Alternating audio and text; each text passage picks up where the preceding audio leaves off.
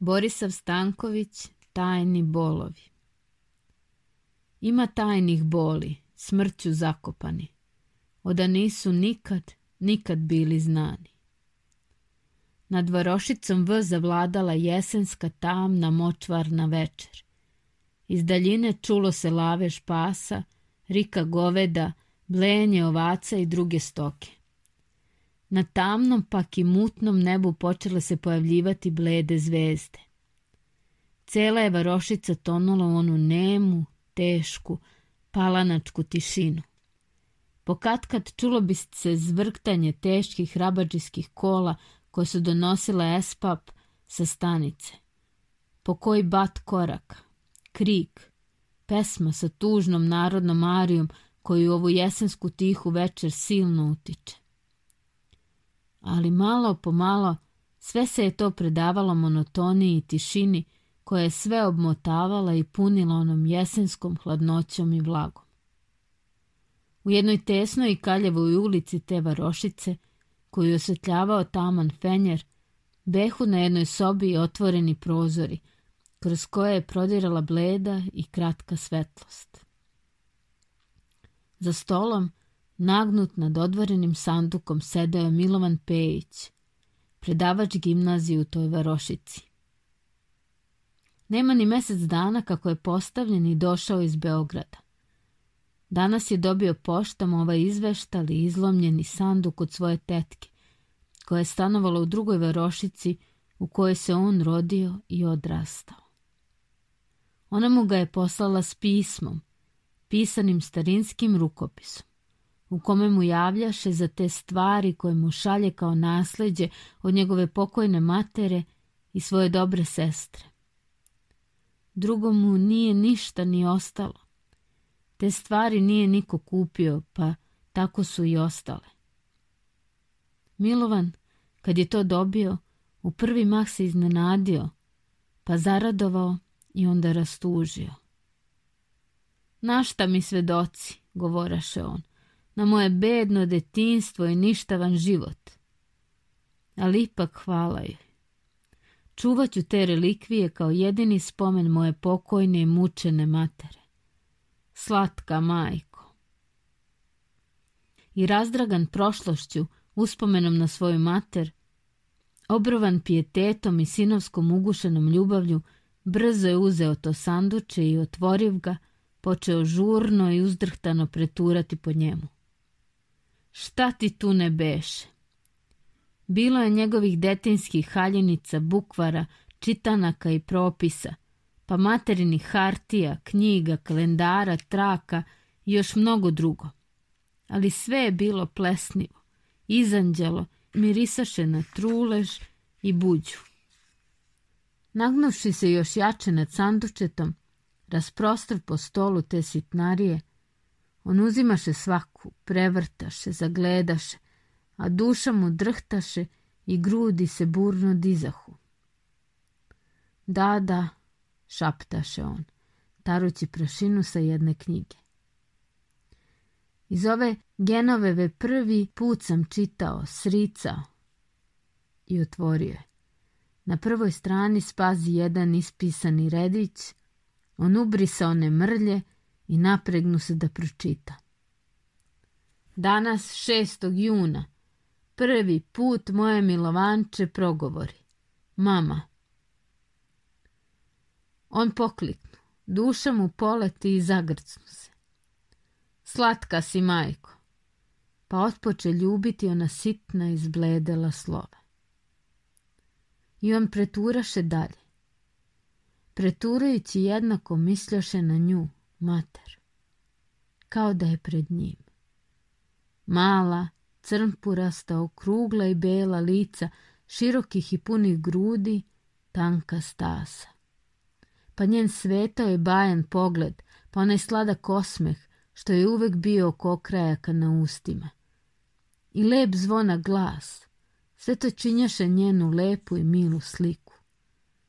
On oca nije ni zapamtio. Istina da su bili siroti, ali držali su u stanu jednog činovnika, gospodina Marka, koji ga je toliko voleo da ga je čak i posle njene smrti podpomagao. No, kao da nema sad takih ljudi. Sve je utonulo u egoizam i slepi materijalni individualizam. Uopšte, on je imao mater koju redku ko sada ima. On sve dalje preturaše. Knjiga za knjigom, rascepani listovi, izbledela traka, rasturena pisma, hartije, fotografije i drugo. Na dnu sanduka, u jednom kožnom zamotu, behu crvenom vrpcom uvezano u svežanj mala pisma koja, sudeći po rukopisu na adresi, behu od jednog čoveka. Sigurno prepiska. Šta je ovo i čija su? Pitaše se odvezujući radoznalo vrpcu. Uze jedno, otvori ga i poče čitati. Ali odjednom preblede, ciknu i skoči, baciv pismo kao da ga je guja ujela. Bože! I zanese se. Ljubavnik! Moja mati grešnica, ona i blud. Bože, Bože! I on se poplaši sam svojih reči. Gotovo pade na stolicu i drhćući dohvati pisma i stisnu ih grčevito. Šta da radi? Najbolje da uzme i zapali. Da ne čita i ne obara nju, svetinju, idol. Nju, nju, koju je smatrao za uzor poštenja, nju, svoju mater, koju je ljubio više no sve. Ljubio je svom milinom sinovljeve ljubavi. Zar ona njegova mati ljubavnik? Nije moguće ali istina je. Evo ovi mali listići, fina hartija, ista okrugla slova. Ta još se osjećaše miri što draži živce. Mati, mati. Noć je bila. Ništa se nije čulo, samo je hladnoća zavladala uveliko. Neka duboka i teška tišina pritisnu ga. On sagnu glavu, Pogled mu se otima mislima, a ruka mu drhti i grčevito ih stiska.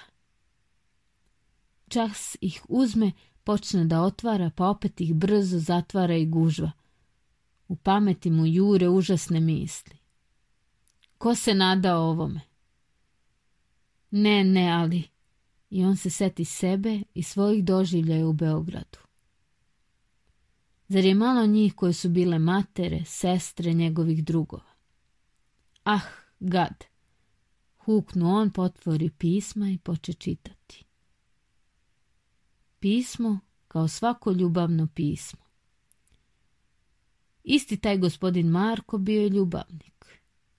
Ova pisma pisao joj je kad je bio premešten ili službenim poslom izvan varoši. Beše obično, ali za njega beše drugčije. Svako slovo, potez, reč, rečenica beše za nju sad ono drugo, nepoznato, strašno, strašno i užasno. On je i dalje čitao. Ruka mu je drhtala, zubi grizli brkove i usne, te krv kapala, a misao mu stvarala slike. I on uzvikivaše besno, cepajući svako pismo i gazeći ga pa kao inat samom sebi uze i poče čitati sva pisma. Kad pročita poslednje pismo, klonu, pokleknu, pritisnu rukama sleponjače i jeknu. Majko! Jer to pismo beše užas nad užasima. Ono mu otkri strašnu, gnusnu tajnu. To pismo pisano grozničavo, kazivaše da je njegova mati umrla. Otrvala se, samo da spreči svoju sramotu, koja ne bi mogla da se sakrije. Uh, u taj dan bio je on u nekom selu po dužnosti, ona mu javila i on joj je odmah napisao ovo pismo. Sav prestrašen molio je da ne čini ludost. Neka gleda da se kako reši, a ostalo će on urediti. Ali i sad kad se on seti, da je ona na prečac za tri dana umrla. Seti se, da, baš kad je izdahnula, njega su odveli u drugu sobu u kojoj beše on. On ga je tada prigrlio, ljubio i milovao. Plakao je kao malo dete, ljubeći ga i tešeći. Dakle, i on poče huktati i vrteti se po sobi stiskajući glavu. Majko, majko, ali sama reč majko beše mu teška, strana i neugodna. Drže se. Ne, na stranu sve predrasude. Majka je, ali i žena. Pa poče silom navraćati tok misli u njenu korist. Stavljaše se na gledište nepristrasnog posmatrača. Pozivaše prirodu, potrebu, nagon, ekonomske okolnosti i sve. Ali ipak, ipak oko srca kao da mu se obvila teška, hladna kao led tuga, pa ga stiska i gnječi, da čisto osjećaše kako mu kaplje krvi srca. Majka, ej! I u toj reči beše iskazan sav bol, muka, poniženje pred samim sobom i težak stid. Jedva ga je prošao onaj bes, drhtavica i strašna ljutnja. Naslonio je glavu na ruku, pogled mu utonuo onu gustu, hladnu tminu koja se prostiraše, a osjeća kako mu tuga, bol i stid čupaju srce. Odjednom se diže, skupi sve one stvari, metnu ih na gomilu pa zastade za trenutak. Dugo se lomnjaše. Ispod natušena čela i smeđih obrva oči mu sijahu čudnim žarom. Skupio vilice i nervozno grickaše usne. Ali se trže, manu rukom i uze sveću, pa potpali. Taman, gust plamen pomešan sa dimom, zaleluje se. Posle u čas buknu i obasje svu sobu. On se kao prepade od tolike svetlosti, zaklopi rukom oči. Duša mu se zatalasa.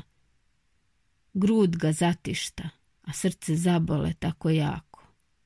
Evo sad će da ga zaguši. Pošto sve izgori, on skupi sve to i baci kroz prozor, pa se žurno maknu i ugasiv sveću pade po krevetu. I tiho, polako zajaca. U tomu potekoše suze.